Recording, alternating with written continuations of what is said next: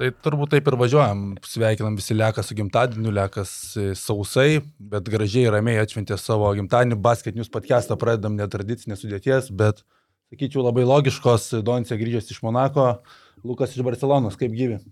Tvarkingai jo, savaitgalis buvo paskirtas miegui, reikėjo biškai pamiegoti, nes buvo gavos tokia savaitę Eurobasketo, ne dvi savaitės Eurobasketo, bet savaitę Eurobasketo, po kurios reikėjo palisėti biškai. Maratonėlis, nebuvo? Jo, man tai buvo emocinis maratonas biški, dėl to, kas vyko Belgrade. Nežinau, aš kažkaip emociškai priėmiau labai tai, kas vyko Belgrade, kiek daug šūdo plaukė po to ir dar to pačiu, kas, kas vyko Tel Avive, nes daug kas persikėlė iš krepšinio aikštė, aikščiai kažkokius kitus dalykus. O kas Tel Avive vyko? E, Tel Avive daug šūdo su fanais vyko iš tikrųjų ir toliau vyksta. Ir dabar aš kiek suprantu vyks, nes mačiau jau e, Twitter'į, kad rašo, fanai planuoja prie Monako viešbučio rinktis, ne, kelti kažkokį šurmulį Žinau, kad planavo, bent jau buvo tokių ketinimų, kad vos ne ruošiasi naktį sulaukti ferverkų iš esmės, žinai, kad man atrodo buvo panašiai per Aiko ir HPL seriją čempionų lygui, kur Aikas žaidė Izraelyje ir ten naktį šaudė ferverkus jo. po to, ką fanai padarė. Tai kažkam panašaus ruošiasi ir Monakas, bet kiek supratau, apart poros kelių piptelėjimų vidurnaktį su automobilio signalu, e, Buvo gal vienas kažkoks petardų numetimas ar, ar ferverko iššovimas, nieko tokio rimto nebuvo, bet uh, labai daug e, nedekvačių uh, reakcijų iš fanų pusės dėl, dėl teisėjimo, dėl, dėl nevasąlygų, kaip jie buvo primti Monakė, tenais uh, vos ne kaip juos laikė teroristais ir taip toliau, kad kažkokia papildoma patikra buvo. Kas man yra keista, nes aš ten buvau ir, nu, aš nemačiau nieko, kas būtų neįprasta, žinai, bet Tel Avivo ten fanai priėmė labai asmeniškai. Ir, bet didžiausia istorija buvo ta, uh, kad po tų gan skandalingų rungtinių teisėjimo prasme, su, su šešiom techniniam pražangom, man atrodo, e, Makabiui, fanai tą patį vakarą restorane ne tai, kad užsipuolė, bet e, net nežinau, kaip lietu, lietuškai geriausiai išsireikšti. E, buvo kontaktas su teisėjais, tarp fanų ir teisėjų. Teisėjai restorane sėdėjo, valgė okay. po rungtinių, nuo įprasta vakarienė. Ir, žodžiu, kažkokiu būdu Makabio fanai sužinojo, kad jie ten sėdi ir jie ne tik atsėdėjo prie vitrinos, prie lango, kažkur ten giliai, žinai, nu, čia, nežinau, Mosadas gal veikia Izraelio žvalgybo, bet fanai žinodami puikiai, jie restoraną yra nefilmuota medžiaga, vieni iš lauko filmuoja pro langą, o kiti eina į vidų ir filmuoja jie koridoriais iki to restorano, ten vos ne iki beveik užkulisių, prie, prie tų teisėjų ir ištraukė pinigus, ten pradėjo ar monetas juos mėtyti, ar su uh, grinais kupiūrom, žinai, kažką jam prieš nosį švaistyti ir, ir šūkaut. Ir viską filmuoja, aišku. Ir, ir tie filmavo, ir tie, kas laukia, ten iš gilumos matosi, kur ten kažkoks e, vyksta veiksmas. Čia gal po Boldvino šitų užsikūrė labai. Jo, jo, jo. po Boldvino šitų ir, nu, atseit nupirkti teisėjai buvo. Tai gal ne veltui tie šeimininkai bijo svečius ir galių, nes Barcelonai kitas buvo turbūt vaizdas. Jo, nes ką, Dontis sakai, tu pats savo, savo kailį to ne, nepatiri. Realiai Barcelona irgi nepatiri tų visų veiksmų, tų nurenginėjimų, net jau antrojo, prieš antrasis rungtynės buvo tokių atvejų, paskui tos patikros ir tiesiog kuprinių ar ten kišenių. Nes tiesiog kaip žurnalistas tiesiog nusiskanuoji akreditaciją ir ramiai praeini. Ir ne, ne, nėra jokių ten buvo klausimų, man irgi mm, buvo keli užduoti, kad kaip, kaip elgesi Barcelona, kaip viskas ar tvarkoj. Viskas tvarkoj, ten tiesiog praeini ir praeini, žinai. Bet kaip pažiūrėjai iš sirgalius perspektyvos, paskui pradėjo tas video plis, kur tėvas su vaiku iš, išvezino, mm. ne, prieš antras rungtynės, tai specialiai prie įėjimo pabudėjau, sakykime, tai buvo, kad jau, sakau, pradėjo liepti atsisekti, kas yra po, po tavo marškinį, po tavo džemperio ar po tavo, žinai, kažkokio strikytę ar kažko. Ir jeigu žalia maikė ir tave tas laiko ir liepia išsirengti, prasme, ir, žinai, ir tada tas bičias sako, kur man dėta maikė, taip iškledėžė, kaip aš atrodysi. Uh, ir tada viskas pakimba, nes nebesusikalba jie tarpusavį. Ir uh, viskas nusikelia, tas žmogus yra už, tiesiog už, uh, užlaikomas prie įėjimo ir niekur nevedant situaciją, aišku, ten paskui nebe, nebežiūri, nes nueini savais keliais. Mm. Paskui buvo dar tokių situacijų, kad du lietuviai persirengę buvo Barcelonas fanais, visiškai literaliai, dar kepurytė ant viršaus, žinai, kur toks akcentas. Barsos fanai, nu. Įėjo, sako, nu, kur čia mūsų, žinai, lietuviai, mato, kad ten žalgerio sektorius ir gali kur buvo, sako, nu va, savėjau įsikūrė, gerai, tada einam. Suprast, nuėjo į tualetą, persirengė ir grįžo atgal į savo tribūną, žinai, prie žalgerio. Tai visokių tokių perėjimų, kur, nu, ir daug tokių konfliktėlių, kuris pats nepatiri tiesiog, tu, nes su tavimi yra elgiamasi gerai. Jo, bet vat, ką aš girdėjau, vat, kaip su Žalgerio fanais buvo, kokie sunkumų turėjo su to pačiu Partizanu Madride, man asmeniškai pasirodė, kad Monakas e, normaliausiai prieimė Makabio fanus, jiems skiria visą balkoną virš, virš vieno iš krepšių, kur jie buvo tik tais vieni suleisti ir, ir galėjo iš esmės daryti, uh, ką nori. Tai man buvo keista skaityti tuos jų nusiskundimus, sakau ten, kad va, šunys juos tikrina, bet tada pasidomi ir tada sužinai, kad jeigu bent vienas fairis Monako rungtynėse uždaroji patalpoje būtų uždegtas, sako rungtynės automatiškai pagal įstatymus vietos Monako, rungtynės sustabdomas, nutraukiamas ir nebeįmanoma jų tęsti. Tai ko gero normalu, kad buvo daroma viskas, kad netyčia kažkoks tai fairis arba petardus, nežinau, nebūtų prasineštas į areną. Bet sakau, ten buvo labai daug tokių jautrių fanų laiškų ir, ir tada skaitai, žiūri, kad tai yra oficiali net fanų jų pagrindinio to geito uh, pozicija ir tu žiūri, kiek daug ten yra emocijų, daug, daug kur pamestas racionalumas. Aš nežinau, gal kažkur taip ir iš tikrųjų buvo tam tikros situacijos, kurios jos supykdė, bet labai viskas susimaišė. Yra net vienas viral praėjęs mm, video teisėjų sprendimų iš antrųjų rungtynių, kur maždaug 10 minučių compilationas iš visų vos ne diskutuotinų sprendimų ir visi vos ne eina į Makabį pusę. Ir tada atsidarai tą video ir tarsi mes sutinku, ten buvo padaryta klaidų, rungtynių pradžioje buvo paleistos rungtynės iš teisėjų pusės ir nu, dėl to net nesiginčiu. Ir ten daug po to techninių hillardų, išvarimai, sakyčiau, nu, neteisingi. Bet atsidarai tą compilationą, 3 arba 4 pirmi video, kur žiūri, Akivaizdžios pražangos poliume Makavai, žinai. Ir tipo tai įdėta, titras uždėtas, akivaizdi ten gynybos pražanga ar dar kažkas tokio. Nu tai ir po to tuo video dalinasi visą tą hebrą. Tu supranti, kad, nu, blemba, kiek daug nedekvačių emocijų yra fanų tarpe. Pameta galvas, jo, te fanai, bet o kas tokiu atveju, jeigu nustabdomas grajus dėl tų fairių būtų? Kam techninis pralaimėjimas tada? Neįsivaizduoju. Čia nežinau, Eurolygos koks regl e, reglamentas būtų ar perkeltos rungtynės, ar, ar techninis pralaimėjimas. Nėra, tai buvo, tai turbūt atveju tokio. Jo, bet žinai, šitoje situacijoje jau ne tai, kad valstybės kunigaikštystės įstatymas yra aukščiau Eurolygos reglamento, ko gero, tai, tai tiesiog darė viską Hebra. Nes realiai tai šeimininkų arena, bet sukelia tai svečių fanai, tai įdomus būtų precedentas, kai būtų, bet Kalbant apie Barsą, tai skelbia, kad 140 mane buvo išskirta bilietų, bet atrodo, tų lietuvių tikrai daugiau arenai. Buvo daugiau, tikrai, aš sakyčiau, net buvo, sakykime, Pats tas sektorius talpina, manau, apie 200, e, Žalgeris turėjo oficialiai bilietų 140, bet pavieniui, tikrai įėjo žmonės, įėjo, sakau, persirengdami Barsas fanais ar tiesiog užsimaskuodami kažkaip mėgindami, žinai, apeiti tą negal, neg, negalimos simbolikos turėjimą. Aš manau, kad buvo, tarkim, sakykim, pirmam grajui gal tarp 2 ir 300, antram gal net ir 300. Buvo daug pakankamai tų ir žinomų veidų, buvo ir Jekilaitis buvo atvažiavęs, Edmundas, buvo ir Neptūno vienas iš savininkų, Sigitas Ambrazevičius, paskui buvo. buvo meras, ponas Plaza. Buvo ir šitas, meras buvo, buvo ir Plaza, kas jis nužgazino. Iš tikrųjų, dariau laivą, Facebook, ne Facebook'e, Instagram'e prieš šimtinės ir, žinai, tu įni filmuoji, bandai sekti, kokie yra klausimai, yeah. kažką atsakyti, bandai kažkokį vaizdą dar matyti horizonte ir per ekraną pamatau Plaza. Ir, Kaip šmėkla kokia. Jo, ir žinai, jis toks biški pakūdęs, nu tikrai, Sulysis. pakrytęs, tikrai, žinai, ir žiūri per tą kraną plazą. Ir toks Sveikas, per, plaza? Plaza?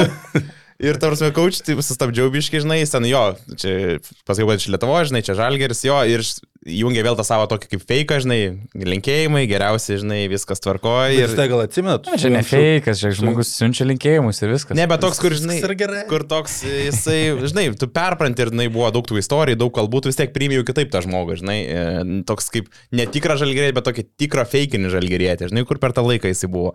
Ir uh, aš nežinau, ar jis mane pažino, mes esam turėję Valenciją interviu vieną, uh, vienas face to face.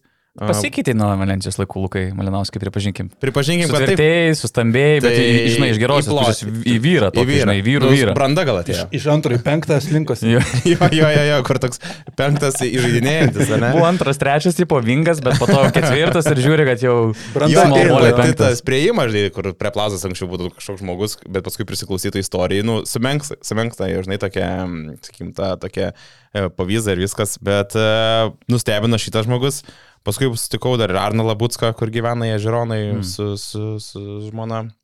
Tai buvo daug tokių žinomų veidų, o tų ir galių kiekis irgi, žinai, vėl sunku pasakyti, kadangi jie buvo išsimetę irgi, pavieniui nupirko, nes buvo tas, sakėm, pasakyta, kad tikrins ID, ne, tai vieniem tikrino, kitiem netikrino, paskui tik ant, antros rungtynės tik tai da, dalį tikrino. Tai visokių tokių kalbų, kur, žinai, sunku jas patikrinti, tas kalbas, ką sakos ir gali, nes, kaip tu sakai, labai daug emocijų būna, ne? Čia kodėl mane purto, čia rasizmas, čia, žinai, m, prieš lietuvius nusiteikia, prieš žalgerės ir galis, tai va daug tokių emocijų, nors kaip pasveri, tarkim, racionaliai, jie turi tą savo įstatymą, jie jau grindžia, viskas aišku, ko jie nori, ko jie siekia to įstatymu ir kai pagalvoji, m, kažkiek tu juos gali suprasti. Bet iš kitos pusės pagalvoji, jeigu atvažiuotų į, Barsas ir gali, jeigu jie būtų, tarkim, masinėje, ne, ir jeigu Žalgeris neįsileistų, koks tai irgi būtų skandalas, žinai, ar neįsileistų kažkokios kitos komandos ir gali, ką Žalgeris daro, tarkim, pakankamai palankiai juos priema, net užsileidžia prie prie išvykos ir galių, prie išvykos komandos už soliuko, ne, Jo. buvo ir tarkim Partizano, ten jau labai arti mes diskutavom, kad kodėl taip arti juos leidžia, nors kai rytas atvažiuoja, rytas yra, nu, nu, nu, nu tipo, užkeliamas į trečią aukštą, ten, žinai, dangų. Tai va tokių pasvarstymų yra, bet to pačiu, žinai, to Barsos pres ofiserių kalbėjai, diskutuoji, sako, sunku net paaiškinti, aš suprantu, kad žiauriai keista, sunku man ju- jum paaiškinti, kodėl taip yra, bet e, turim, ką turim ir to turim vadovautis dėl to. Jo, prie Eurolygos atkrintamųjų dar tikrai grįšim, bet žinot, vyrai, jūs savaitę praleidot Monakė ir Barceloną ir žinot, ko neturėjot. Neturėjot boso riešutų, senų gerų. Blemba būtų pravertę, va tokie užkandėliai kelionė metu. laiką, taip, batonėliai arba užkandėliai, jo, jo, jo, jo. O. Aš mačiau, kad jūs gremžė čia kas kartą. Mano, žinok, su žalgerio logo dar neblogai. Pusryčiai ir pietus buvo, tai apie... Tai bo- žalgeris ko tik neturi, aš žinai, turbūt ant visų brandų įmanoma, ant maisto produktų, ne, kokiu tik tai įmanoma. E, Kolduniukai. Nu, dabar va yra kolabas. Paliukai yra.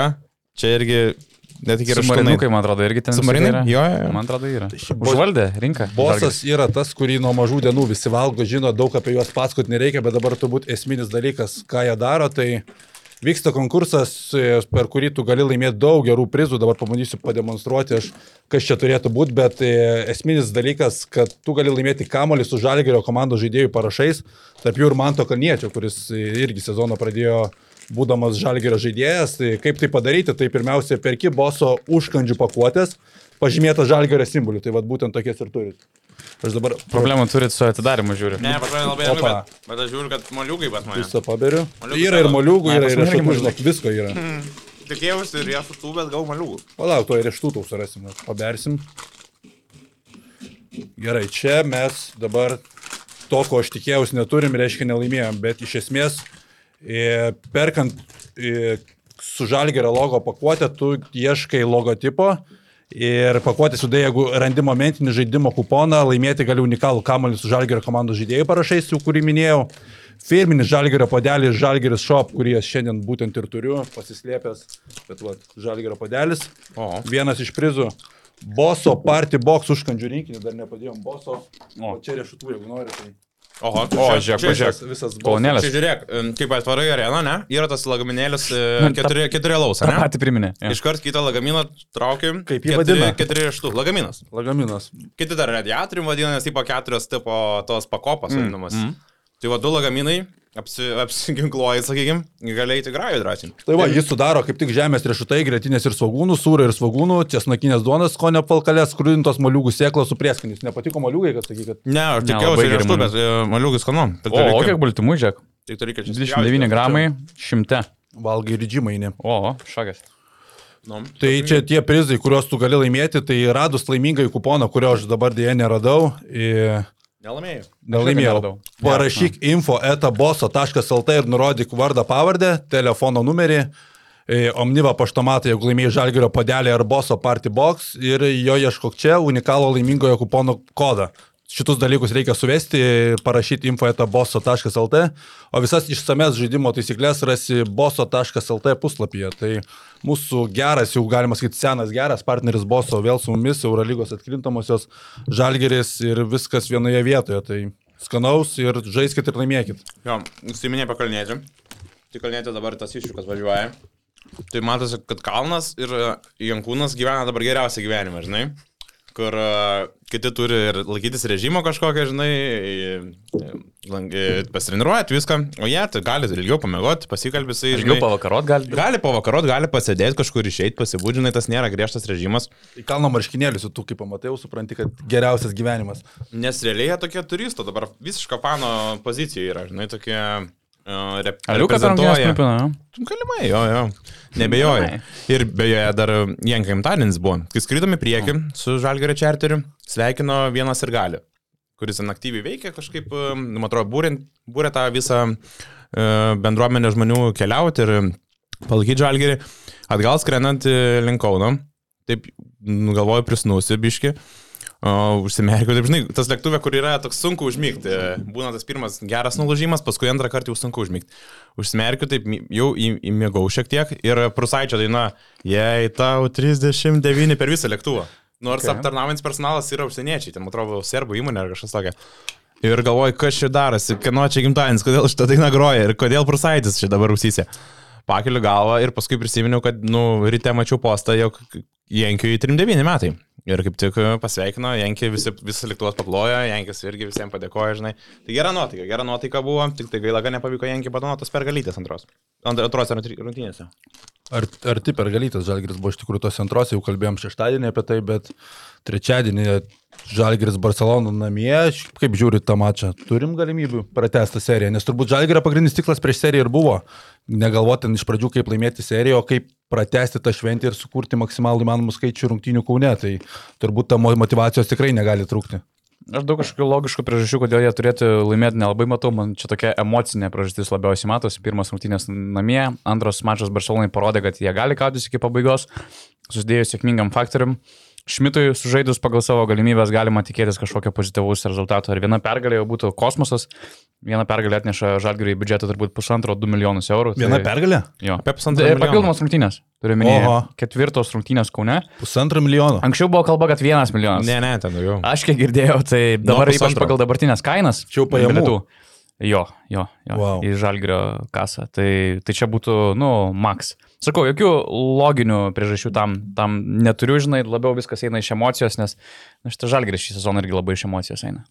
Realiai, kiek jie parodė kokybės polime šį sezoną, tai daug turbūt rungtynių nesuskaičiuotum ant e, rankų, Nu, tikrai Žalgiris palime žaidė idealiai, keista buvo, kad tas arkliukas, kurio vedė Žalgirį visą sezoną gynybą, neveikė ir Barsa kūrės labai gerus metimus, tai sakyčiau vienas iš tų rezervų, ką gali Žalgiris čia pakelti, tai tikrai tas gynybos savo pakelti į viršų, aišku, Barça labai gerai skaičius yra visas gynybos sistemas, ką be darytų Žalgeris, ką be keistų, tai Barça susikūrė tuos metimus, o iš tų rezervų paminėjai Rolandą Šmitą, kuris atrodė sudegęs Barcelonoje, taip turbūt ir atrodė iš šono ir viduje žiūrint, ir turbūt Aizėja Tayloras, kuris galėtų žaisti tikrai daugiau minučių negu žaidė antrosios rungtynės ir pirmosios tuo labiau.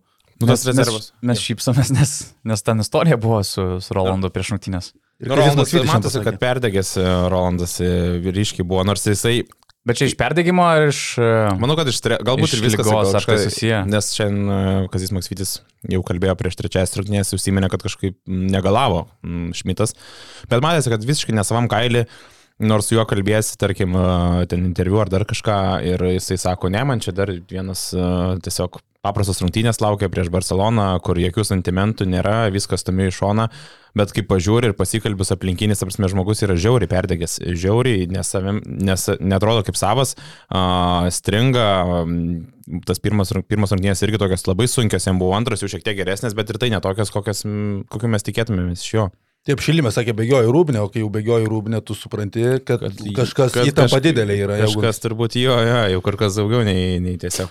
Šimtas įprasta rutina. Turi trečią blogiausią plius minus per dvi pirmasis atkrintamųjų serijos rungtynės visojo Eurolygų per visas keturias poras. Tai Aišku, ten daug žalgerio žaidėjų yra topę, bet nu, tai tas rodiklis irgi daug ką pasako. Polimo reitingas su juo yra vienas mažiausių visojo Eurolygų į playoffs. Bet apskritai tos įtampos, tai man atrodo, kad žalgerė visiška ramybė, kai aš pamačiau vakar video, kaip e, santokoje Brasdeikis su Tayloru ramiai. Negalėjau patekti iš tikrųjų. Aš negalėjau, tikrai visiška Amerikas, jo nuvažiavam, nu wow, pagalvot, pagalvojus, kas galėtų taip ramiai serijos viduryje Eurolygos eiti pažaisti kiemą su šartukais, ta prasme, vakar 10 laipsnių buvo, tai Tayloras kaip Kalifornijai kokioj. Nu ir tas visą laiką žvengas jo, jis mėgaujasi, būdamas Lietuvoje, mėgaujamas to, ką daro, akivaizdu. Uh, sunku buvo iš tikrųjų suvokti, kad jie taip, kaip vidurys serijos uh, eina į kiemą. Ok, ten, nu jie neįda, mes tik kiek matėm iš to video, ne, ten jie stipriai ne, nesiveržia, kažką nedaro, metimukai, bet tu niekada negali žinoti, aš nežinau, čia galima net prilyginti gal kokias drausmės pažeidimams, tokie, kaip žinai, tokie tokioje situacijoje tu išeini ir uh, leidžia laiką gerai, bet... Uh, bet kaip tik gal tokie dalykai padeda garą nuleisti. Aš manau, kad reikia, nes visiems garas jau yra pakilęs maksimum visiems, aš manau, taip, tam pačiam Brazdeikiui irgi. Brazdeikis niekada nebuvo tas žaidėjas, kuris arba nemokėdavo garą nuleisti, arba kurį labai įtampą imdavo, man atrodo. Aš galvoju, kad įtampa visgi irgi veikdavo, nors jisai sako, kad man neveikia ta įtampa, irgi nesvarbios, nu, nesvarbios, neskirstų tų rungtynių, bet tiesiog mm, matosi iš jo paties kūno kalbos, jis labai greit pazuoda, tarkime, ne, neteisingiam švilpukam jo manimu arba klaidoms, kuri, kurias jis padaro gynyboje, ar tai polime nesuvaikšto kaip reikia. Ir jis labai greit pazuoda, tai ta įtampa vis tiek įveikia, jeigu jis taip greitai, ne, po kelių nesėkmingų atakų žmogus iš kūno kalbos galima spręsti, kaip eina frustracija, ne? Tai manau, manau, kad tikrai akivaizdai įtampa įveikia stipriai. Man, man įdomu, kalbant apie įtampą, kiek įtampos prideda, vat, sakau, Monakė antros rungtynės atinu žymiai anksčiau per apšilimą, nes tiesiog neturėjau interviu skirtingą nuo pirmų rungtynių prieš pat rungtynės. Uh, Sėdžiu ir išeina Maikas Džeimsas į aikštę ir Makabio fanai jau likus pusantros valandos iki mačo pradžios e, susirinkė ir nušilpinėja per visą apšilimą Džeimsą, švenčia per visus jo pramestus metimus, būina laukia, kol jis e, prames, įmeta tyli, viskas tvarkoja, bet švenčia per visus e, pramestus metimus. Tu per apšilimą jauti kažkokią jau nenormalią įtampą, nenormalią situaciją aplinkoje, aš jau nekalbu per baudų metimus, kai, kai ten skanduoja fuck you, fuck you Mike James ir taip toliau. Tai, ir tai, kokia įtampa dabar kuria Belgrade, e, realų ždėjom. Blemba, aš neatsimenu, kada playoffuose fanai būtų tokie ir jautrus, aišku, dabar yra atitinkamos priežastys, bet būtų tokie jautrus ir galbūt nedarytų tokią didžiulę įtaką aplink e, rungtynės. Aišku, ta situacija neįlinė, bet manau, kad ir aplinka neįlinė, ne? Belgradas, Partizanas, kada jis turėjo tos playoffus tokius rimtus, ne? Tokio 20. Prieš 13 metų, nu, turbūt 20 čia su Tai čia labai kalibais. seniai, labai seniai ir dėl to mes to ilgai nematėm, plus dabar daug įtampos kelia tie įvykiai Madride, ne, kas buvo. Nu, tai aš manau, kad čia vienareikšmiškai daug susiję vienas su kitu. Ir ta aplinka, aplinka tikrai ten žiauriminė bus, manau, Belgradė. Šiemet apskritai tai poros susidėlioja, atrodo, kur namų pranašumai labai daug reiškia. Pavyzdžiui, Žalgeris Barcelona, aiškus Žalgerio namų pranašumas, tas, kurį išvykose palaiko fanai. Monakas, Makabės, Tel Avive visiškas nu, pranašumas jaučiasi į Monaką atvažiuoti. Monakė neutraliai aikštė. Nu, tada Partizanas Realas irgi tas pats visiškai game changeris ir turbūt tik tais Olimpijakos ir Fenerbahčė serijoje tie fanai vienodą reikšmę duoda klubui. Aišku, kiek iš tikrųjų profesionalam žaidėjim, ypač aukščiausio lygio Final Four kalibro uh, komandų žaidėjim, arba tiems su didžiulė patirtim, kiek iš tikrųjų tie fanai daro reikšmės. Kaip tik atsimenu, prieš antras rungtynės buvo treniruotės diena ir su Maiku tokį Jamesų neformalų pokalbį turėjom, sako, nu iš tikrųjų, man asmeniškai ir daugelį mūsų, nu, pofik. Mes sako, mums svarbiau tie pakeitimai, kuriuos padaro e, tarp rungtynių, maždaug kaip pats pristaiko, fanai sako, nu, tai jau nebelabai žaidžia e, kažkokią rolę, nebent ta situacija yra tokia jautri, kaip dabar yra Belgradė, žinai, niekada nėra tai buvę, kad tave turėtų lydėti policijos eskartos nuo nusileidimo tako, e, vos ne lėktuvo trako iki, iki pat viešbučio durų ir būdi apsauga aplink viešbutį visą naktį. Ir, ir ten tave baneriai pasitinka keturi, ant visų tiltų į Belgradą įvažiavus, kad ten jūs ten visokios šiukšlės, kekšės ir taip toliau. Tai tas galbūt pakelia tą lygį, bet šiaip sako, nu, okei, okay, full house'as, viskas kaip ir žalgerio arenai, bet, nu, tie žaidėjai mėgaujas žaisdami tokioje salėje. Tai va aš galvoju, kad esminis dalykas tom žvaigždėms, tai net labiau patinka tokiuose atmosferose žaisti. Atsimenu, Nikola Miročius yra sakęs po rungtinių žalgerio arenoje, kai eilinį kartą sužaidė gerai, kad jam čia yra idealiausia atmosfera žaisti krepšinį ir aš galvoju, kad namų tas pranašumas daugiau pakelia tuos e, rolinius žaidėjus, visą kitą komandą, tas mm. silpnesnė komanda pakelia iš emocinės pusės ir ne kiek truko, kiek varžovų, bet kiek pakelia tą grinai šeimininkų komandos žaidimą. Tai čia galbūt tas esminis turbūt dalykas namų salės pranašumo. Jo. Plius, matai, matai, žinai, e, turbūt nėra lygintini tie full house'ai Žalgerio ne, ir Belgrado ir tarkim pirėjai. Iš tų visų trijų full house, okay, e, manau, kad, pavyzdžiui, Žalgerio toks yra minkščiausias full house'as, ne, kur uh, nėra tokia, sakykime, tiesioginė bulinimo į žaidėjus, kažkokio atakų, ne, nu tikrai mažiausiai tikėsi atakų atvažiuodamas ne į, į Žalgerio, sausakėm, šareną. Nu kaip, Rudy Fernandesas kitaip pasakė. vienintelė, vienintelė arena Europoje, kur gavo į galvą žaidėjas. Ir kur yra užbaninti, ta prasme, jo. Ja. Bet turiu meni, kad tas... Bet suprantu, kad ne, tai Belgradas turbūt vien, vienareikšmiškai sunkiausias full house'as bus ir ten ne, nežinai iš vis ko tikėtis, ypatingai iš to jautrioje situacijai. Nu ir pirėjus irgi uh, turi savo aišku akcentų, kur nesi visiškai, sakykime, 100 procentų saugus, ne?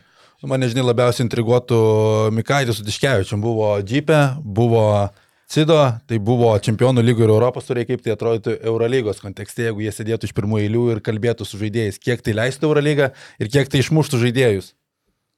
Nu, čia o vėl. šiaip dabar tu pasakai, Karolio čia nėra, aš net susimėčiau vienu metu, neišvažiavo į kokį Belgradą Karolis su Vytu, ne? Ne, Vytas kelias. Grįžta. Grįžo kažkaip iš Barcelonos, ten mačiau labai sudėtingai. Jis buvo Madride, jis buvo tverkinimo čempionate. Mm. Okay. kur siūlė, žal- siūlė, siūlė Hebrai varyti irgi. Ir Palablogranai buvo, ne? Jo, jo, buvo antros rungtynės ir, ir paskui Normalu. po to išvažiavo į tvirkinimo čempionatą Madride. Okay. Prieš perinant dar tai, kas laukia šią savaitę Eurolygos ketvirtfinalėje, pasidariau praėjusios savaitės tokius e, trumpus apdovanojimus, šiek tiek apžvelgiant, kas įvyko, tai paminėjom Rolandą Šmitą, tai aš jį skiriau kaip didžiausią rezervą Eurolygos atkrintamosiose. Rolandas Šmitas per tas dviejas rungtynės fiksavo 5 taškų, 2,5 naudingumo balų vidurkius, tai taškai yra dvigubai mažiau, naudingumo balai 4 ar 5 kartus žemiau savo galimybių, tai Šmitas turbūt yra tas didžiausias rezervas, kokio pirmąją savaitę Eurolygos atkrintamosiose nematėm.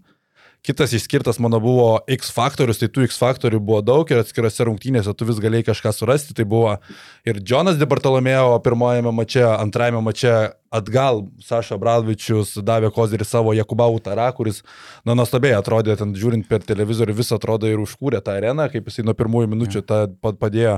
Buvo Izė Kenanas, kuris pirmajame mače irgi jau buvo senai visų užmirštas, šešis tritaškius suleido ten per keliolika minučių, tai irgi Olimpijakos ištraukė, bet mano buvo X faktorius ištrauktas, kur atrodo reikšmingiausia pergalė iki šiol serijoje atnešė, tai Karsinas Edvardsas, kuris idealiai pakeitė Skotį Vilbekiną ir kuomet buvo minus 16, Fenerbakčiais antrajame kilnė grinai sugražino Stambulo klubą ir iškovojo pergalę išvykoje be Skotį Vilbekino ir dabar prasigražina seriją savo namo. Tai man Karsinas Edvardsas buvo tas didžiausias X faktor- X faktorius praėjusios savaitės. Jo, šiaip yra ne tai, kad įdomi istorija, bet toksai gandas, kad Karsinas Edvarsas yra, buvo maždaug ketvirtas, penktas pasirinkimas Fenerbakšė sąraše tų žaidėjų ir vos ne įtūdis jau iš pra- pradžių nemėgo šito pasirinkimo. Ir dabar likimo ironija, žmogus, kuris nelabai buvo mėgiamas e, trenerio, matęs ir sezono metu, nebuvo jo pasitikėjimo visiškai, jis traukė seriją ir dabar nuo rungtynės Stambulė, kur nežinai, ko tikėtis. Ir labai daug kas pasakyta ant kortos. Ir dabar tas santykis, kur, žinai, visą sezoną nepasitikėjo, ar tarkim jisai buvo įsimušęs, gaudavo trumpas atkarpas, o dabar, kai prispyrė situaciją, nereikia žvalgytis ir Karsiną gelbėka, ne? Jo, ir šiaip jis man toks žaidėjas labai įdomus. Jeigu jis būtų į kitą komandą patekęs vidutiniokų, netokia perpildyta gynėjų grandis, kur yra Vilbekinas, dar pasėmė Dorsį ant viršaus, yra Kalatis, Guduričius, nu atrodo gynėjų pilna, jeigu Edvardsas būtų karjerą Eurolygoje pradėjęs vidutiniokį. Baskonijai, pavyzdžiui. Baskonijai, Valencijai. Žalgeriai jisai būtų labai rimtas Jo. žaidėjas, tai manau, kad jisai tikrai būtų užsirekomendavęs žymiai geriau pirmąjį sezoną, bet jeigu jį ir paleistų Fenerbakčia, tai aš net nebejoju, kad Eurolygos klubas kažkuris tikrai pasinaudotų progą ir pasikviestų jį. Mhm. Aš jau dabar galvoju, imtum žalgerį kitą sezoną. Žiūrint, kas lieka, bet aš vis laik sakiau, kad jeigu lieka Evansas, lieka Brasdeikis, tai bet kokiu atveju prie Evanso reiktų tokio žaidėjo, kuris irgi valdytų kamalį ir nebijotų savintis į atsakomybės. Tai mm. tokį Ed- Edvardsą aš tikrai svarstyčiau. Šalia aišku, kai yra Lukas Lekaičius, dar vienas žemas žaidėjas, tai, nu, tai jau kažkiek e, keičiantis dalykas, Jo. bet aš vis tiek Edvardsą svarstyč- svarstyčiau. Nes vat, kažkaip pagalvojau, kad girdėjau, kad Žalgeris dar ieškos prie Evanso, kaip sakai, dar vieną tokio atakuojančio žaidėjo ir, Ed, ir Karsinas Edvarsas turbūt su gera kaina, turbūt galėtų būti paleistas, jau kažkokios oro lygos patirties gavęs, bet tuo pačiu nelabai prognozuojamas, žemas, su gynyba ir rei- reikalų, tai daug raudonų vėliavų. Nu, va, Tayloras ar Edvardsas. Aš manau, kad... Liam skirtingi žaidėjai labai. Bet vis tiek, bet kokia atveju, jeigu ieško tokio žaidėjo prie Evanso, kuris valdo, Mm. yra skirtingo tipo žaidėjai, bet Jo. jeigu panaši kaina, tai nu, gal svarstyčiau, nes man Tayloras, okei, okay, ta trauma atrodo kaip ir rizika, bet žiūrint, kokia čia ta trauma, realiai tai trauma, kuriai reikia tiesiog laiko išgyti, Tayloras tos neturėjo, bet šiaip tai jis neturėjo tokių pasikartojančių traumų istorijos iki atvykstant iki Žalgerio. Taip, taip, jis čia ir rimčiausia trauma, kiek jis yra pats pasakojęs asmeniškai, Jo. aišku, ten turbūt nes- neina į detalės stipriai, bet jisai jo, sako, kad čia jam didžiausia trauma, kuriai tiesiog, nu, kaip sakai, reikia laiko. Reikia laiko, reikia polisio. Ir jeigu ne lygos atkrintamasis, turbūt jisai iš vis būtų taupomas dabar reguliariai sezono pabaigoje LKL ir būtų tiesiog atkrintamosiam pasimtas. Jo, toliau, jeigu išskiriant tuos apdovanojimus, e, geležinis žmogus, spėkit, kas yra geležinis žmogus. A, Geras klausimas. Man visą laiką Šmitas a, asocijuodavo su geležiniu žmogumi, kuris net to nežinodamas gali ir traumuoja kitus žaidėjus, kai jie tiesiog atsitrenkia į jį kaip... kaip, kaip Geležinis čia e, su amžium. Geležinis žmogus yra iš tos pusės, kad žaidžia praktiškai be keitimų. E, Nigelas Deivisas. A, okay. 38 minutės ir 38 minutės pirmajame, antrajame susitikime prieš užbaigiant reguliarų į sezoną, kai Fenerbakčiai ten reikėjo laimėti žudbūt, kad patektų atkrintamasias e, 40 minučių ir 42 minutės e, Okay. žaidė ir pratesime, tai Nigelas Gaisas Deivisas, na, kosminis skaičių minučių žaidžia, tai kažkiek susiję ir su Nemanė Bielicos negalėjimu rungtyniauti, bet Heisas Deivisas tiesiog tapo tuo, kuo turėjo būti Bielica visą sezoną, tempė į viršų Fenerbakčią. Jo, man atrodo, čia jo veganiškas pasirinkimas irgi yra susijęs. Kažką apie tai irgi šnekėjom, tai, tai čia būtent tai nurodė priežastį. Pasirodymas, e, tai rungtinių pasirodymas buvo Lloydo antras mačas įspūdingas, kur ištraukė Monaką, buvo Baldvino pirmas, Veselį prie Žalgerį antros rungtinės, bet, e, nu, turbūt čia be konkurencijos niekas kitas, bet Kevinas Panteris, niekas negali prilygti. Pirmas mačas 26 taškai, 33 naudingumo balai ir gimvineris, tai turbūt kažko įspūdingiau pakartoti būtų labai sunku, nes tai, ką matėme tam pirmajame mačiais ir realiai ir pakeitė seriją. Jo, pritarėm. Aprūvinam šitą. Jo. Tavo piką. Ir prie Kevino Panterio turbūt irgi dar vieną išskiriau tokį dalyką, kad serija keičianti traumą, kažin kaip ten būtų Panteriui, jeigu Walteris Tavaresas nebūtų iškritęs antrojo kelnio pabaigoje, trečiojo vidury, pirmajame mače, bet Tavareso realas kabinosi, bet matėme tą gynybą, kad nu, jinai visiškai iš šono, antrajame sutikime iš viso pamatėme, kad nu, prie Tavareso tokių dalykų, ką Partizanas išdarinėjo baudos aikštelė, nebūtume įsivaizdavę. Dabar atvyksta Realas į Belgrado su 0-2, Tavaresas, kaip ir suprantu, jau turėtų žaisti, bet atsiliekant jau 0-2, tai turbūt ta, tą traumą atsimins po serijos, jeigu tik pralaimės Realas. O su Eksamu kaip ir viskas tarkoja, ne? Mm. Buvo tiek eskalacijos, iš, ten daugiausias eskalacijos, kiek suprantu, buvo iš Serbo, nes spaudos.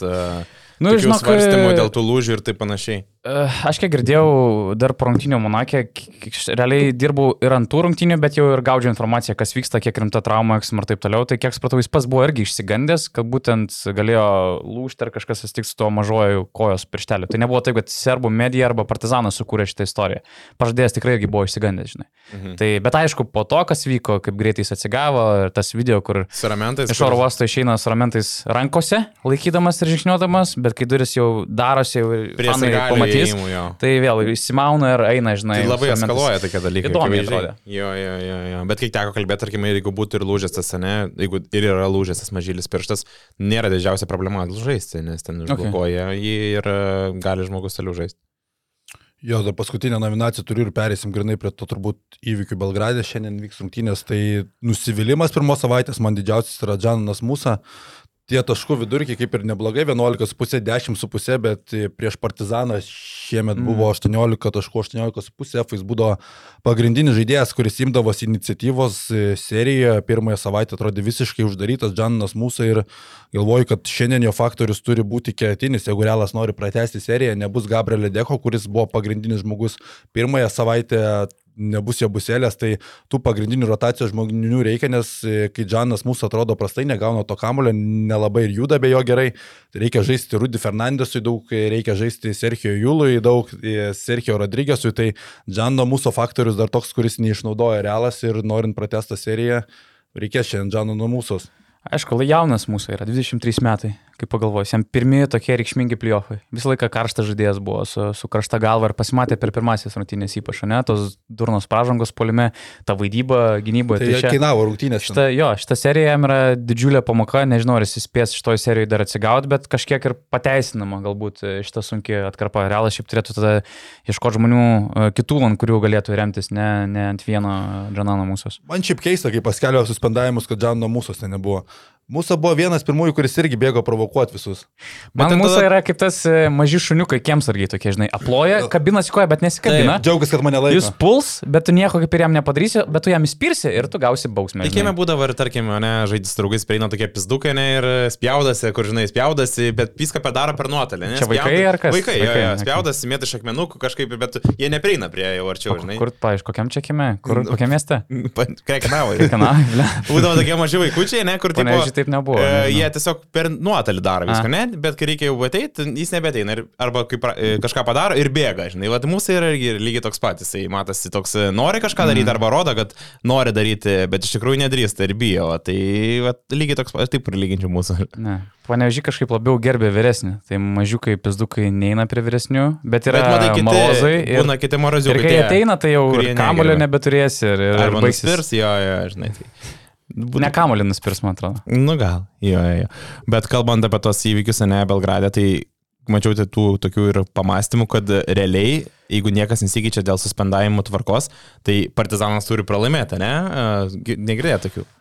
Ai, bet taip, čia man tokia absurdiška teorija. Kur, kur tu stai ant kortos. Mačiau po tokius pasvarstymus. Kad, kad maždaug geriau pralošt, kad po to... Nes realiai vieną grajų praleidžia Panteris jau. Jo. Ir tada kitą, tarkim, laimi partizanas, jau nežinau, kodėl jie taip garantuotai sako, Jo. ne, ir tada baigėsi suspendavimas ir tada Final Four gali žaisti pusfinalį jau. Bet net jeigu strateguotum, nu, kaip nelogiška statyti ant kortos, pralaimi tą grajų, kaip ir sakai, kodėl staiga su be panterio partizanas turi, turėtų laimėti ir ketvirtas serijos. Jo, jo, dėlioja Plius tik- žaidėjai e, grįžta, nu, e, dekas grįžta. Tai, nu, blemba, man atrodo, čia jau, man atrodo, partizanai bus gerai, jeigu šitą seriją negrįš į Madridą, nes kol kas viskas taip stovi, kad, nu, aš šitą likusią sudėtim, šito brandolio be panterio, nu, bus labai sunku partizanui. Ir Lezoro aš nematau kaip tokio viską keičiančio faktoriaus. Iš vis įdomu, kaip čia atrodys po to skandalo, ne, išimsim, išimam pan, panterį. Ir kaip atrodys iš vis emocinis fonas apli- tarp, tarp žaidėjų, tarp dviejų komandų, ne, kaip viskas bus. Va, tas labai įdomu, nes čia toks įvykis, kur tikrai keičia ne, tiesiog, ne tik, mm, kad išima kai kuriuos žaidėjus, bet keičia ir bendrai nuotaikas, tas įtampas e, tarpusai. Čia gerą pointą paminėjai, nes girdėjau, kad e, ko, ko, koks yra partizano pranašumas, tai ta vienybė, komandinė chemija, tu matai jo žaidžiančius aikščiai, kaip jie mėgaujasi tuo žaidimu, ne tik gerų aukštų lygių, bet vienas kitų, komandiškumo, tai stiprus labai jų brožas, kodėl jie taip gerai atrodo antrojo sezono pusėje. Madridė priešingai, ten yra labai didelės e, komandos rūbinės problemos, kurios kaupėsi viso sezono metu ir komanda buvo susiskaldžiusi. Bet ateina toks metas, kai visas pasaulis yra prieš tave, kai, kai vyksta drakės irgi toksai gaunasi susivienijimas e, tarp stovyklų. Ir įdomu, ar, įdomu, ar tas, em, tas netikėtas posūkis šitoje serijoje nesuklijuos dabar kaip, kaip tik Madrido Real komandos, kuriai galbūt to reikėjo. Tai vat, įdomu ne tik kaip vieni su kitais jie sąveikaus tarpusę aikštėje, nors aš manau, kad viskas bus ok, jau sprendžiant iš žinučių, e, kaip vieni su kitais taikėsi, kaip atsiprašė, kaip ten Bet aš galvoju, pasakė, kiek čia natūralumo yra, tarkim, Mažai, ne, kur čia tu... labiau būsimų turbūt išvengti. Tarkim, Lesoras kreipiasi ir galis ir prašo elgtis, ne, Ne. gerai. Nu, tipo, tas suprantu, bet e, Jo. vis tiek norisi, kad jie, tie fanai geltų turbūt, aš nebejoju. Nežinau, aš manau, kad jie... Buvo net kla- vienas bičiulis klausė, sako, kiek procentų duodi, kad nu, arba bus nutrauktas rungtynės, arba Dabar be fanų. Tos, kur baigsis, bus, ne? Jo, jo. Okay. Aš manau, kad šimtų procentų viskas įvyks kaip turi būti, nes tiesiog kaina yra per didelio neramumo. Partizanas neturi ilgalaikės Eurolygos licencijos, Partizanas, jeigu gautų kažkokių dar nuobodų, jeigu kažkas įvyksta, teoriškai tu gali ketvirtą grajų gauti irgi be fanų žaisti. Ir tai yra, manau, jau padidinto jautrumo ir dėmesio serija. Ir vis- visi stengsis padaryti viską, kad būtų viskas korekt, kaip ir matom, aplink viešbutį nebuvo jokių, jokių nesąmonių, jokių neramumų, taip kad manau, niekas nepereis smurto kažkokios agresijos ribos. Bet žaloj, kokios pajėgos turės dirbti, ne, šitam, šitos rungtynėse, ten turbūt, jeigu ir gali, ten kiek telpa 20 tūkstančių, ne 20, kažkokia. Tai iš tų 20 tūkstančių auditorijos turbūt bent 2 tūkstančiai turbūt kokių policininkų, ne, atrodo. nežinau, kaip ten apsupti. Iš vis įdomu, kaip atrodys tie užkulsiai. Bet jie moka susitvarkyti. Aš kai buvau Serbijos turės finale, pernai, kur ir Zvezdos, ir Partizano fanai vieną salę buvo įlisti ten po 2,5 tūkstančio, nu kur atrodo degtuką numes ant žemės ir sproks viskas, ne? Tai tam 5000 žmonių salėje, man atrodo, buvo apie 1000 e, policininkų, robokopai, civiliai.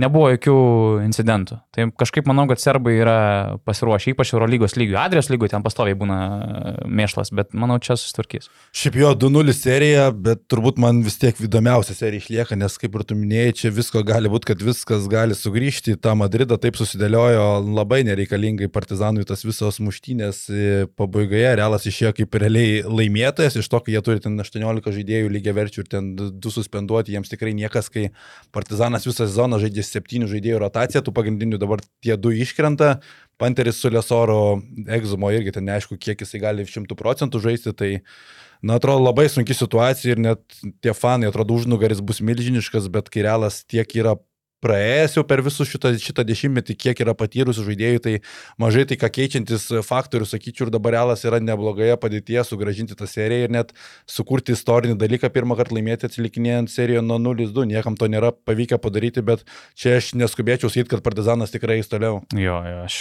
irgi manau, kad, sakau, laisvai tikiu, kad penktas rungtynės gali būti serijos. Šiaip kalbant apie, dar, apie realo tas emocijas, ne, pas mus e, komo versijai, pijus gerą tekstą visai parašė, kur kaip didžiuliai lūkesčiai, ne, šitai komandai virsta emocijų proveržiais. Matėmgi buvo ir Lulo Fakas, ne, buvo, jie busėlė prieš tai puolė arbitrą. A, tai kai visą tai dėlioja į bendrą sezono paveikslą, tai man kad šitie veteranai jau tarp, galbūt jau nebegali to realizuoti, net tų visų lūkesčių, kurie yra, kurie yra duodami komandai ir kaip jie spaudžia komandą.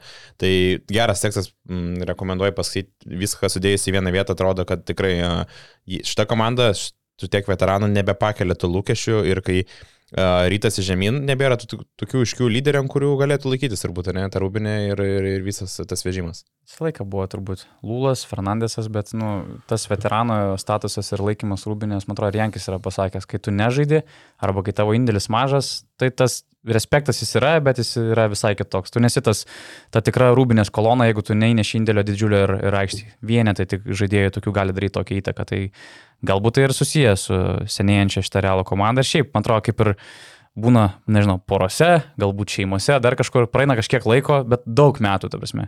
Na ir prasideda trintis, tu nori, nenori, kokie gražus buvo laikotarpiai, tu tiesiog pavargsti vienas nuo kito. Tai viena vertus tai yra stiprybė, kad brandolys daug metų žaidžia kartu, kita vertus gal tiesiog jau Hebra yra pavargus vieni, vieni nuo kitų. Ir plus, kai tu nebegali fiziškai kažko realizuoti, ne kažkokių veiksmų, tai jau pradėknys protą psichologiškai ir tada viskas ir pučiasi į tą burbulą, kuris sproksta vienu metu. Aš tik šitoje situacijoje pasigydau uh, vieno. Man atrodo, kad jeigu, vis tiek tai buvo beprecedentės muštynės, nu, atgarsis, uh, ažiotažas, visas įvykiai aikštėje, nu, tai buvo tokie, kur nelabai ir atsiminsime Eurolygos istorijoje, kad būtų tokio masto, tokios svarbos uh, scenui. Ir man žiauriai yra keista, Aš, pažiūrėjau, įsivaizduoju NBA ir aš matau jau Adamą Silverį kitą dieną išeinantį su spaudos konferencija. Nesvarbu kur, nesvarbu kiek ten bus medijos, bet kažkoks tai gali zoomų tokius dalykus padaryti. Kažkokia tai turi būti reakcija iš Eurolygos vadovybės. Dabar nei Budiroga, nei Glikmanas, visi parą laukiam to mm, disciplinary judge e, verdikto. Verdiktas išeina, kur juodo ant balto žašyta kokios bausmės, bet kodėl, kas ir kaip, nematom. Tik savaitgalį po žurnalistų užklausų atsirado galbūt tam tikri paaiškinimai, kodėl jų jis gavo, negavo bausmės, kodėl, net nežinau, ar paaiškino, kodėl kiti gavo tokias bausmės, bet žodžiu, nu, interpretacijoms paliekama maks. Nėra jokio, jokio įėjimo į problemą ir jo išanalizavimo. Ir žinu- žinutės pasintimo, ne iš tos problemos, ne, kaip mes elgsimės ir uh, kaip bus reakcija ateityje, jeigu kažkas pasikartos tokia, tai trūksta, trūksta to. Čia dar vienas toks atvejis, kai jau mes ne pirmą kartą matome, kai ateina kažkoks rezonansinis dalykas, Eurolygai trūksta tos lyderystės parodymo, tai čia buvo eilinis pavyzdys, tas buvo ir per COVID, tas buvo ir karui prasidėjus, tai eilinis atvejis, kada Eurolyga nesusitvarko su tais iššūkiais. Tiek, kad skirtumas dabar, dabar šitą yra nauja valdžia, nes karas buvo jau prie Džordė, tai čia toks, jo.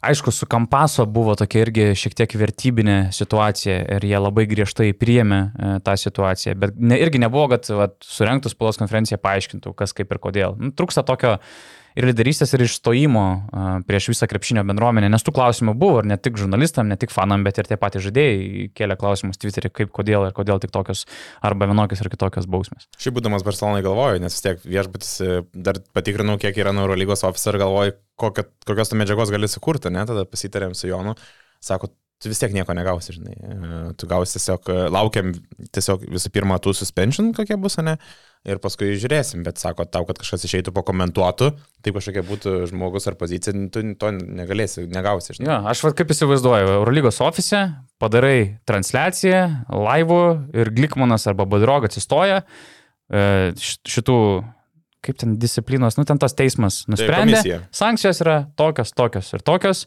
ir tada gali užduoti klausimus arba jie patys paaiškina, kodėl, kodėl, nežinau, tas teisėjas gali būti šalia. vienas nuo komisijos ir tiesiog paskui dar vienas. Viską atstovas, viską jo. iškomunikuoji, okei, okay, gali su kažkom nesutikti, bet bent jau yra komunikacija, kuri, kuri vaikšto su paaiškinimais, su, su bendravimu. Nu, labai, labai to trūksta.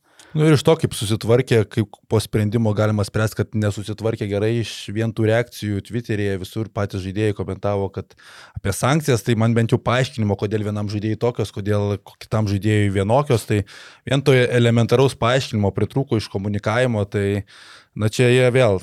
Eilinį kartą, kaip ir sakau, Eurolyga neparodo lyderystės, kuri turėtų būti tokiuose atvejuose, bet šiaip šitą savaitę antroji turėtų po pirmųjų kažkur atrodyti ta intriga ir atslūg, bet kiek tu žiūrėsi visos poros visur su savais prieskoniais. Žalgeris mums iš savos perspektyvos mm. dėl tos galimybės ketvirt, ketvirtojo mačo, papildomų pinigų, partizanas, tai čia iš viso vis, visiška višnaitė ant torto, Fenerbakčio Ol Olimpiakosas, e, aštunta vieta prieš pirmą, dabar turi namų pranašumą ir prieš Fenerį laimėti, man atrodo, Olimpiakosas negalvoja, kaip uždaryti seriją per artimiausius du mačius, jie pirmą galvoja, kaip sugražinti tą seriją į priejų, nes dabar yra jie blogesnėje situacijoje, grįžta Skoti Vilbekinas, tai nu, bus čia irgi labai įdomu.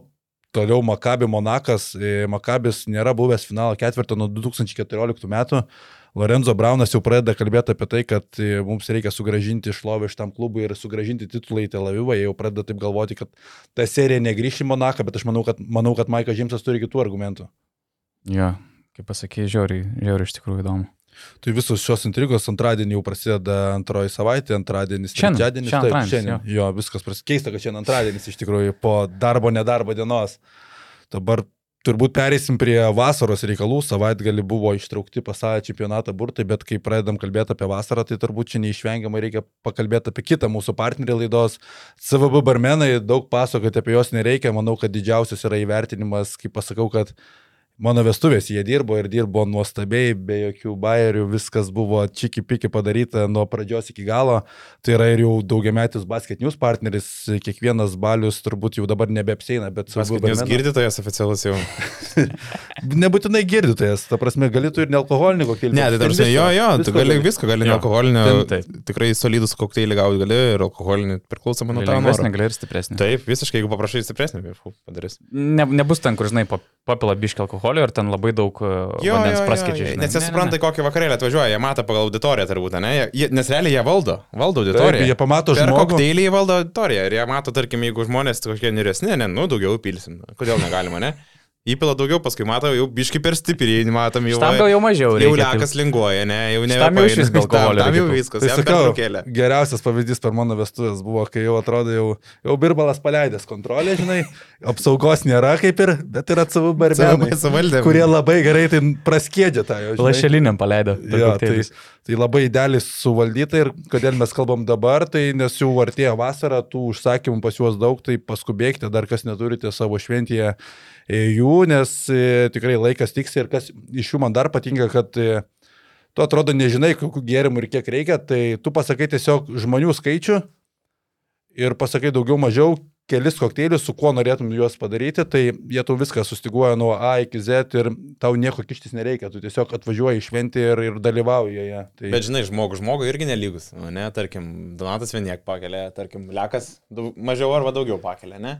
Žinau, lekas visas. rezervą, rezervą neišbaigiamą turi. Neišbaigia? Neišbaigiamas. Na, va čia gerai, nes blogiausia, kai baigėsi, va tada tai ne, nežinai, net kur dėtis, ir net toks, e, nežinau, neriesi iš kailio, bandai ieškoti tų gėrimų. Čia, pro, čia biški problemas jau kažkokios. Labai blogai. Taip.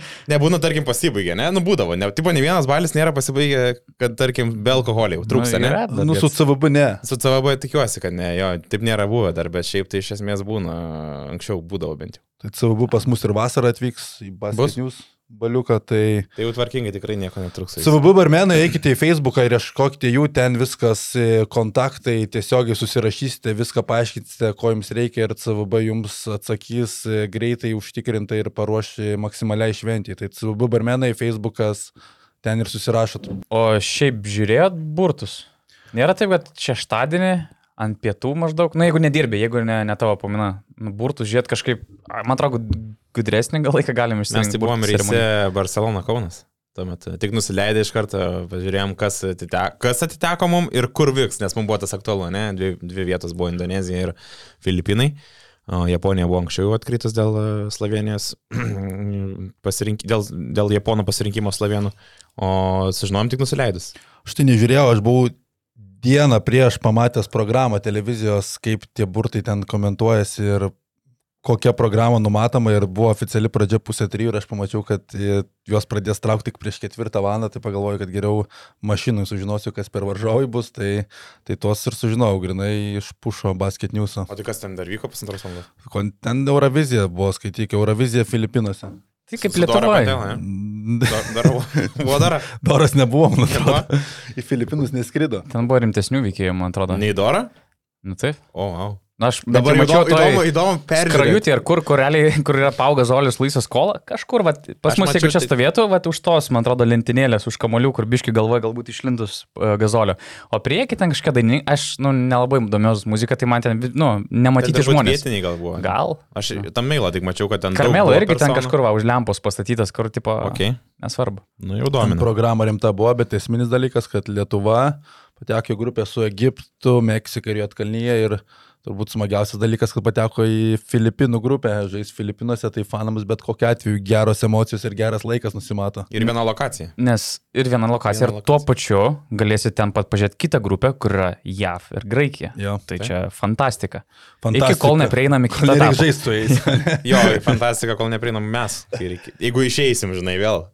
Šiaip kosmosas. Tarsime, pažiūri Eurobasketą, pažiūri iš, iš, iš tas burtus braketą, atrodo, kad nu išeiti ketvirtfinalį, tai čia jau kosmosas. Ir ketvirtfinalį, kai potencialiai raunis ant Serbijos, ko gero, nes, nu, pripažinkime. Nu, Antroji grupiai užimti pirmą vietą prie graikų ir amerikiečių, nu, čia prie bet kokių svajonių, jau yra oho. Ir tada, hmm. jeigu lieki antras, labai realu, kad serbai bus kitam, kitoj braketo pusėje pirmoji vietoje ir gauni ketvirtfinalį serbus. Čia wow, koks kelias. Man žinai, visai primena tą kelią 2019 metais, dabar gal net sakyčiau šiek tiek, šiek tiek lengviau, nes realiai tu esi trijų komandų mikse. Tada buvo, tu pradėjai Ai, nuo aišku. Kanados, pradėjai nuo Australijos. Australijos ir tada dar buvo Prancūzija, realiai kitoj grupiai, tai tada jau keturios komandos į tą miksą patenka, tai šį kartą vien to varžovo mažiau, bet faktas, kad gauti JAV, kuris nesvarbu, ką besurinktų, bet kokia atveju bus favoritai turnyro, ir gauti graikus, kur, nežinau, Janis atrodo planuoja atvykti, kaip suprantu. Žinai, tiksliai nepasakysim, bet net ir be Janio, nu, rimtas varžovas. Nu, Žinai, 2017 nuo jų gavom, tiesiog kai nebuvo Janė, bet buvo visi tie patys realiai. Buvo Burusis, bet Slukas buvo pagrindinis, kuris irgi bus. Tai, tai čia tokius varžovus gauti atrodo skamba baisiai, bet nu, svarbu, kad ta rinktinė gerai įsivažiuotų pirmajame etape, ir, nes nu, reikia žaisti prieš tą pačią atkalnyje, ten nebus, kad visiškai patrankų mėsa. Jo, ir negali barsyti taškų jau. Mes jau turėjome atkalinę Europos čempionatą langė. Bet nebuvo Vučevičiaus. Dabar neaišku dėl šio, dėl šio etapo, tai ta grupė tokia, bet kas girdisi, va čia mačiau, kad e, gali daug žaidėjų nebūti, ne? Jo, ir net tai, ką suminėjau straipsnį, tai čia dar tik galbūt net pradžia. Nu gerai, sąrašo vidurys, bet, bet ne visas galutinis sąrašas. Tai realiai po didžiausių klaustukų, pa, reikia tiek daug pavardžių, kad reikia net atsidaryti, man atrodo. Tai ką mes turime? Mes turime Ulanovo. Ok, Ulanovas man asmeniškai netikėtas. Aš kažkaip galvojau, kad... Netikėtas? Jo, Aš šitą girdėjau sezono metu, kad e, pakankamai jam patiko, kaip viskas konvertavęs po praeitos vasaros, ne? Jis praeitą vasarą nevažiavo, turėjo gerą sezono pradžią. Ir kai tu galvoji, dėliojasi jo tos akcentus, ne, kai tu palsėjai, atrukai nuo krepšinio, turėjai gerą laiką. traumas išsigydė. Sigydai traumą, nes turėjai skirkšnį berots, ne? Ar blau- Daug ar blaus- ką turėjo su klubais ten pastoviai a, ir tada tu pailsėjęs, ateini išsilgęs vėl krepšinio, turi pilną pasirašymo stovyklą su klubu, esi lyderis, ne esi kapitonas, esi naujo to žalgerio veidas ir tu pradedi deliverint nuo pat sezono pradžios, tai aš matau kaip pakankamai svarę mm, priežastį, kodėl jisai gali nesirinkti vėl važiuoti. Čia geras momentas, nes tada pasižiūri Igną Brasdeikį, tarkim, ir jo pirmų mėnesių patys. Pasižiūri Roką Jakobaitį, Rokas Jakobaitis kokią dobelę turėjo, net ten lapkričio mėnesį. Jo, Po, jo. po, Nors po atrodo nerealus buvo praeitas sezonas. taip. Čia yra dalykas, kurį daug įsivertina žaidėjų, bet yra žaidėjų, kurie nu, jau nebegali ignoruoti savo sveikatos problemų. Plius amžius, taip. Marius Grigonis, kur aš neatsimenu realiai, kada jis turėjo pilną sezoną. Galbūt prie Šilerio jis buvo išvengęs traumų, neatsimenu, kiek jis buvo ilgai iškritęs tą sezoną, kai jis gavo kontraktą su CSK. Jo, turbūt tas sezonas. Turbūt tas vienintelis iš daugelio po ir daugelio prieš. E, Ir prieš turbūt sezoną. dar buvo tas pirmas su Šaru, irgi turbūt. Sveikas ten buvo tada. Jisai buvo antro sezono pradžiai pėdas. Ai, okei. Pirmo sezono Okay. žalgirio buvo. Bet, nu, sveikas. jo, tai yra metas, kai, nu, Marius nebegali ignoruoti e, savo sveikatos problemų ir traumų, jeigu nori dar ilgalaikę karjerą išlaikyti aukščiausiam lygiai. Plius dabar nugara. O, Nugara, kur visiškas peilis karjerai čia. Net visokių tų svarstymų buvo, ne? Ir girdėjosi, kad, a, nu, net ir ta karjera, kabas, sakykime, ne? Vienu metu kažkokia buvo. Taip, kad a, ta nugara jam, nu, gali visiškai palaidoti karjerą, jeigu jisai, tarkim, nesims kažkokių priemonių ir to polisio, kur, kuris yra reikalingas. Tada yra Rokas Gedraitis, kuris irgi pradėjo jausti, nežinau, amžių šią galatyną virš 30 metų. Čia 92 karta pabiškėjimasi. Vyra. Vyra. Tai du. aš, mes, aš irgi tuo esu birėjęs, aš irgi 92 metų. Tai Okay. okay. pabiški, pabiški. Tai va, Rokas Gedraitis turi visokių mažų dalykų, kuriuos reikia susitvarkyti, jis tampa ir laisvuoju agentu, tai yra svarbus ir jam metas šią vasarą, ruošiantis ir kitam karjeros etapui. Girdėjau, kad klaustukas yra didžiulis dėl Luko Lekavičiaus, tada yra Martinas Ehodas, kuris tiesiog nespėja, ko gero, išgyti ir įeiti tą formą, kurios reikia. Tai čia jau vien yra keli žaidėjai. Tada jau nekalbam apie Domantos Sabonės situaciją, kuris, e, kuris turi išsigydyti ranką a, kuris potencialiai gali persirašyti naują NBA kontraktą ir net jeigu viskas yra gerai, kiek, kiek aš šiaip girdėjau, kad nu, Domas visą laiką turėjo norą žaisti Lietuvos rinktinį. Jis, kai buvau jau visų žvaigždžių rungtynėse, pasakė, jeigu sveikata leis, taip, aš noriu, aš, aš komitinės su Kaziu, man atrodo, ir su Jonu jie jau yra šnekėję. Ir tikrai prioritetas tada būtų žaisti rinktiniai. Bet jo, neaišku, kokia bus rehabilitacija, kiek Kingsai labai smarkiai prižiūrės tą rehabilitaciją. Jeigu bus ateis naujas kontraktas, aš nežinau, kokie šansai pasirašyti Supermaxą arba maksimalų, nu, ne Supermaxą, bet maksimalų kontraktą su Kingsais. Ką tada jie galvos apie tai, kad jam čia žaisti reikia pasaulio čempionate? Gal jie gal, galvos, žiūrėk, pritrūko patekti į Mimpliofus kitam žingsnį, va, matai septintasis rungtynės, matai savo problemas, reikia, kad ant to dirbtum. Ir galbūt, kad dirbtum Sakramente, o ne Lietuvos rinktiniai. Ir jeigu Kingsai įsikiš, nu čia domas, jau nieko negalės padaryti. Čia kaip su Indiana buvo, kai jis tik buvo ištreidintas. Jo, tada Tai labai riski situacija. Su Domantu jo, labai įdomu, kaip čia bus, nes kiek suprantu ir kaip tu paminėjai, per tą Alstarų savaitgalį jisai buvo užsiminęs dėl savo piršto ir kaip kiek tenka girdėti, kad jis tokio visiškai užtvirtinimo, kad bus rinkti dar taip ir nėra, nes, kaip sakai, daug kintamųjų, kontraktas, sveikata, paskui dar yra kiti ir šeimos faktoriai, tai labai daug tokių nežinomųjų. Dabar, jeigu žiūrint čia, šiam momentui, apie ką, taip sakykime, iš Kazio Maksyčio buvo ištransliuota irgi taip, sakykime, su giliu liūdėsiu, gal, sakykime, arba su tokiu... Nerimu gal. Nerimu, jo, nerimu, kad susirūpinimu, kad reikės tikrai kažkaip performuoti šitą komandą, bent, bent trečdalį mažiausiai, kas buvo Europos čempionate.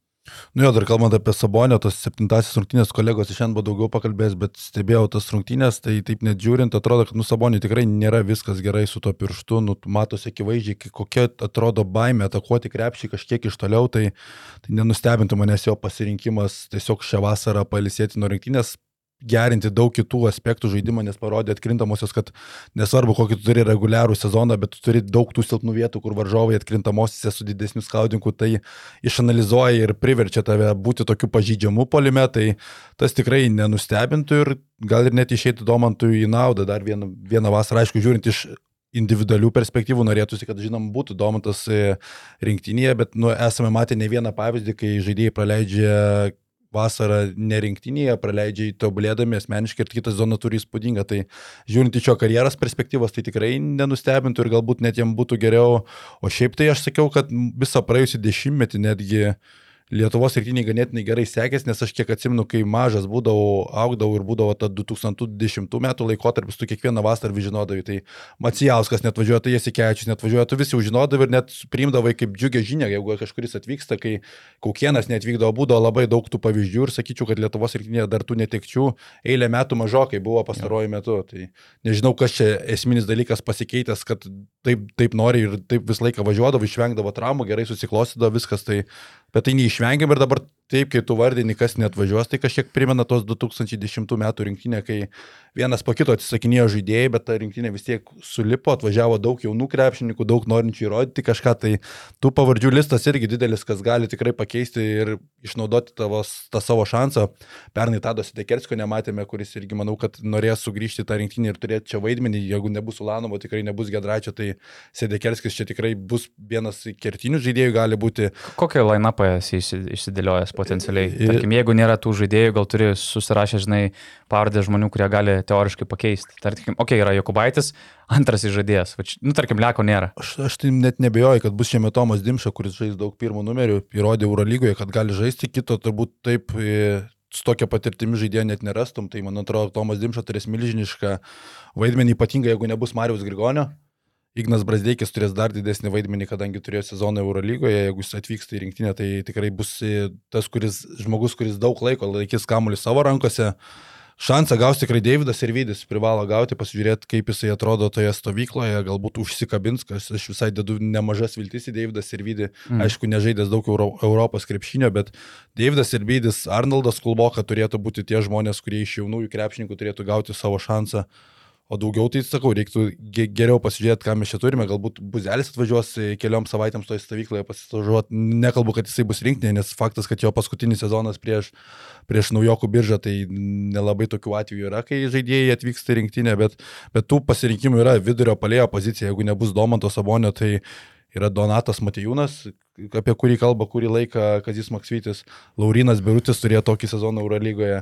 Galbūt e, kitaip dėlios Kazis Maksvytis, taip kaip dėliojo šį sezoną Eurolygoje viską nuo gynybos, galbūt rinksis nepolimo centrą, tai toksai variantas, kur Svičiolo gynyboje gerai žaistų žaidėjas lietuvis, nėra jų labai daug, tai krenta tokie netradiciniai variantai, kurie buvo išbandyti langų rinktinėse, Evaldas Kairys su Gabrieliu Maldūnu, tai jie tokių 5-7 minučių rotacijos žaidėjai, kurie galėtų tik tą svičiolą žaisti, kurį labai pamėgęs yra Kazys, tai nulaukia labai įdomi vasara ir bus daug tų tokių naujų veidų, kurių mes nesame šiaip įpratę matyti pagrindinėje Lietuvos rinktinėje.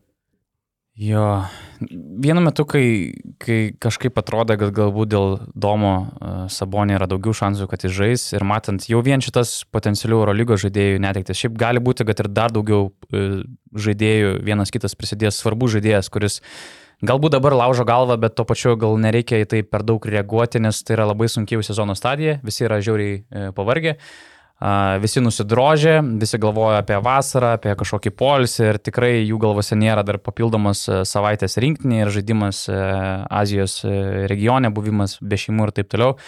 Šiaip ką, ką, ką paminėjai, kad turbūt Lietuva buvo viena tikrai tvarkingiausių rinktinių iš to, kaip geriausi žaidėjai, kiek laiko jie skiria rinktinį, kaip, kaip bei kiekvieną vasarą susirinkdavo. Ir Faktas, kad to didžiausias nuopelnas yra turbūt Lietuvos krepšinio federacijos rūpestis nacionaliniai komandai.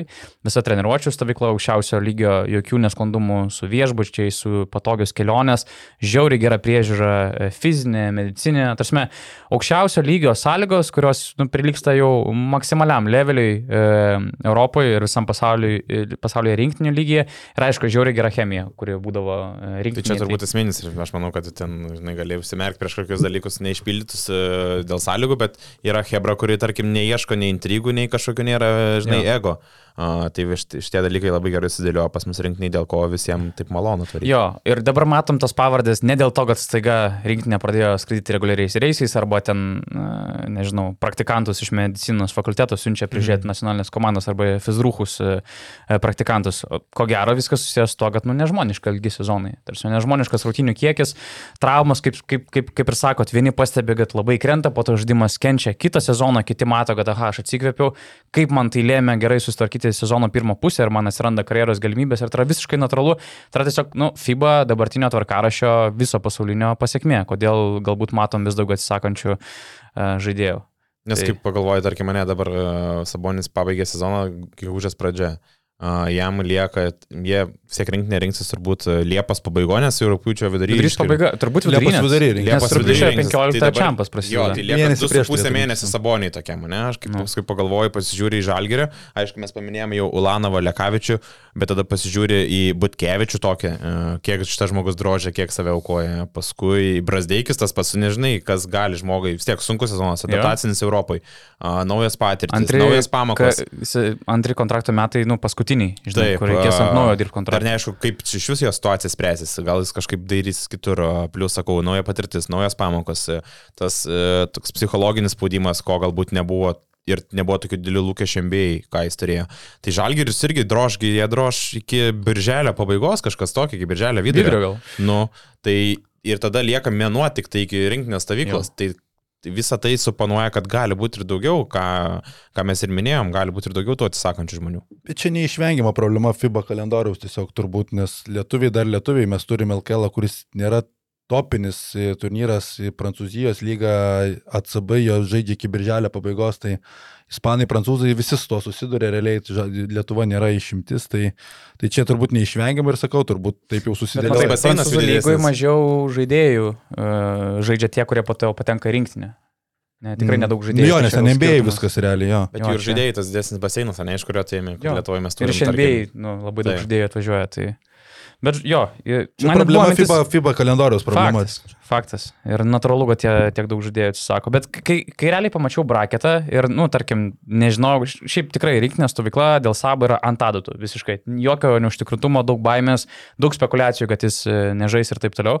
Bet kai pamačiau braketą, kai žinojau tas bent jau kelių Eurolygos žaidėjų pavardės, kurie labai daug šansų, kad e, nebus pasaulio čempionate, pagalvojau, matant, kad reikia žaisti prieš graikus, amerikiečius, potencialiai serbus, žiauriai sunkus kelias galvojau, kaip būtų galima padaryti šitą rinktinę pagaliau Sabonio rinktinę. Ir matant tiek daug atsilaisvinusių vietų, tas pats Grigonis, Ulanovas, Lekavičius galbūt šitoje situacijoje nepadeda, bet kaip būtų galima galbūt metikų paieškoti šitai komandai šalia Domanto Sabonio, kad nu, būtų galima išnaudoti jos stipresias pusės, žaisti su, su juo startė, tarkim, su Valančiūnu kylant nuo suolo, bandyti integruoti Sirvidį, Kulboką tą patį, paleisti daug metikų ir bandyti žaisti. Aišku, gynyboje bus sudėtinga, bet Slovenai irgi rodė, kad nu, ne, gynyba, ne gynyba galima ne tai, kad pasim čempionatus, jie nepasėmė čempionatų, bet kilt labai aukštai. Tai galvojau, būtų smagu pamatyti tokią e, rinktinę, šiek tiek eksperimentinę, nes, nu, pripažinkim, net ir stipriausios sudėties tikėtis praeiti graikus, amerikiečius, po to serbus, nu labai. nu, mes mažas nebūtume, nebūtume favoritai tikrai išeiti ir pilnos sudėties į Tai ketvirtį, nebūtume favoritai. Gal dėl to reikia bandyti kažką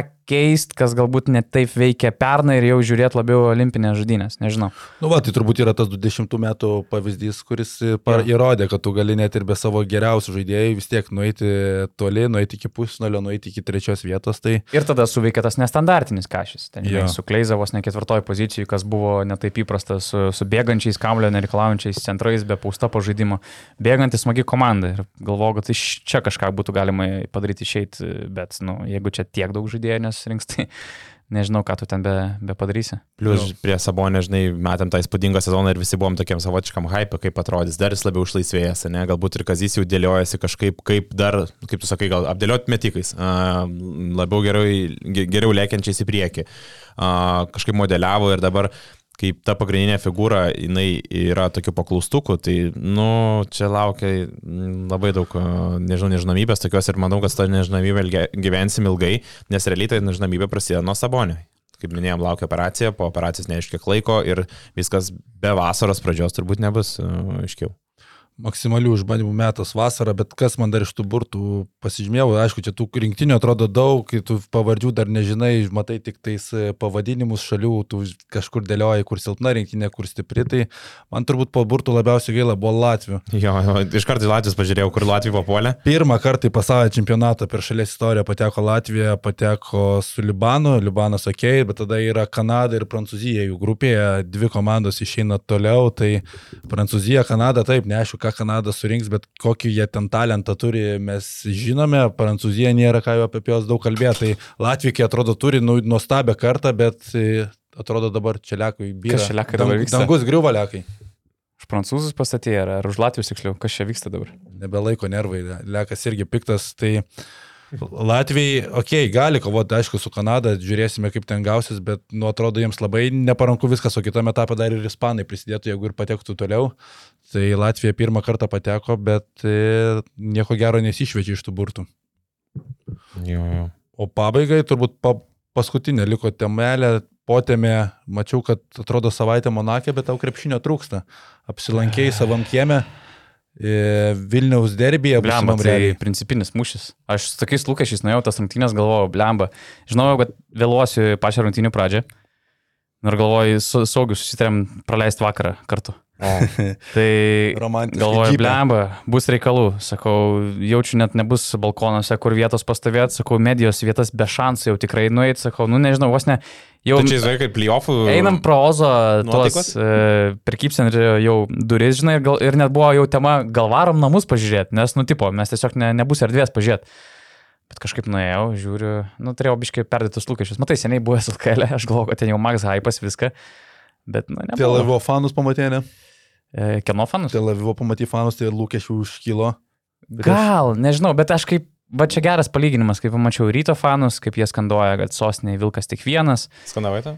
Jo, ai. Aš, ne, aš neskandavau. Ne. Jo. Aš neskandavau, filmavau, bet neskandavau. Aš įsivaizduoju, Doncis skanduojant, lemą, gina, E. gina. Tada dar kažkas buvo, bet žinai, ir tik tiek. Principinis kažkoks mūšis, čia atseit kažkokios intrigos, čia buvo anksčiau su teismas Labojevas kažkas. Ir viskas. Ir nieko, žinai. Ir tada prisiminė seriją su Tel Avivo fanais, kur ten jie prieš rungtynės jau tarpusavį beveik mušosi, nes vienas vėliava kabino ten to Gates, pamiršau numerį, jau Gates 7 gal, ant Izraelio vėliavos. Tada rungtynių pabaigoje ten su vietiniais fanais beveik mušasi iš balkonų šoka, žinai. Ir sakau, tiek daug nerei- nereikalingų emocijų, kurios labai išvargino, čia sėdi, mėgaujas atrodo, okei, okay, čia kažkoks treštokas vyksta, bet viskas tvarkingai, kultūringai, žinai, gera buvo pažiūrėti. Matai, tai va. turbūt pačių Vulsų fanų kaip ir nebuvo, keliaujančių, momentas, ne? Tai yra. nėra prieš. Bet žinai, galėtų ryto fanai kažkokį didžiulį ten heitą parodyti, žinai, ten, nu, tipo, tas pats net e, plakatas įspūdingas, kuris buvo B tribūnos, nu, jis irgi be jokių ten baisių ten žinučių ir potekščių, žinai, tai labai kultūringa. Man labai patiko, kad, nu, reikia pasidžiaugti lietuvių fanais, kad kultūringai, tvarkingai, Šeimos šventė. še, šeimos gali rinktis, Taip, Darbo dieną. Fantastika. Džipė tokia yra atmosfera ir verta. Bet šiaip smagus mačas turėjo žiūrovai patikti, daug, daug taškų, Blemba. daug veiksmo, e, sugrįžimas ryto atrodė jau dviženklių pabėgo į priekį Vulfsai, bet antroji pusė. Tipinis ryto mačas. Kur neįtikėtina. Jo, aš kai pamačiau, kad ten buvo minus 16 ar minus 18, galvojau tikrai e, grįž rytas, nes antrą kelnę vidury berods buvo minus 16 ir trečią vidury jau pirmauja. Mm. Ir esu, esu net pasižymėjęs dvi atkarpas, kurios buvo 14 minutė, jie pralaiminėjo rytas 24-40, 26 minutė po 12 minučių jau pirmauja šiam 5-60. Tai per 12 minučių rytas laimė atkarpą 41-20. Ir Ir- viską verčia. Šiaip Wolfsams nu labai trūko Granto dar po krepšių, ten kartojo vieną po kito 21 kamuolius. polime kamuolys. Aš neatsimenu, kada mačiau tokius skaičius. Ir jie, man atrodo, gynybų net mažiau kamuolių O atkovojo. kai, kai Lūnė, kai Lūnė negu- ėmė per sabą, Jo, aš jo. nebuvau irgi tokio mačo matęs. Čia skaudesnė tokia tema. Lūnė tapo, Sabas padarė Lūnė žvaigždę. Nu. Bet šiaip e, Činikė įdomus žaidėjas. 13 minučių, 20 taškų, 25 naudingumo balai.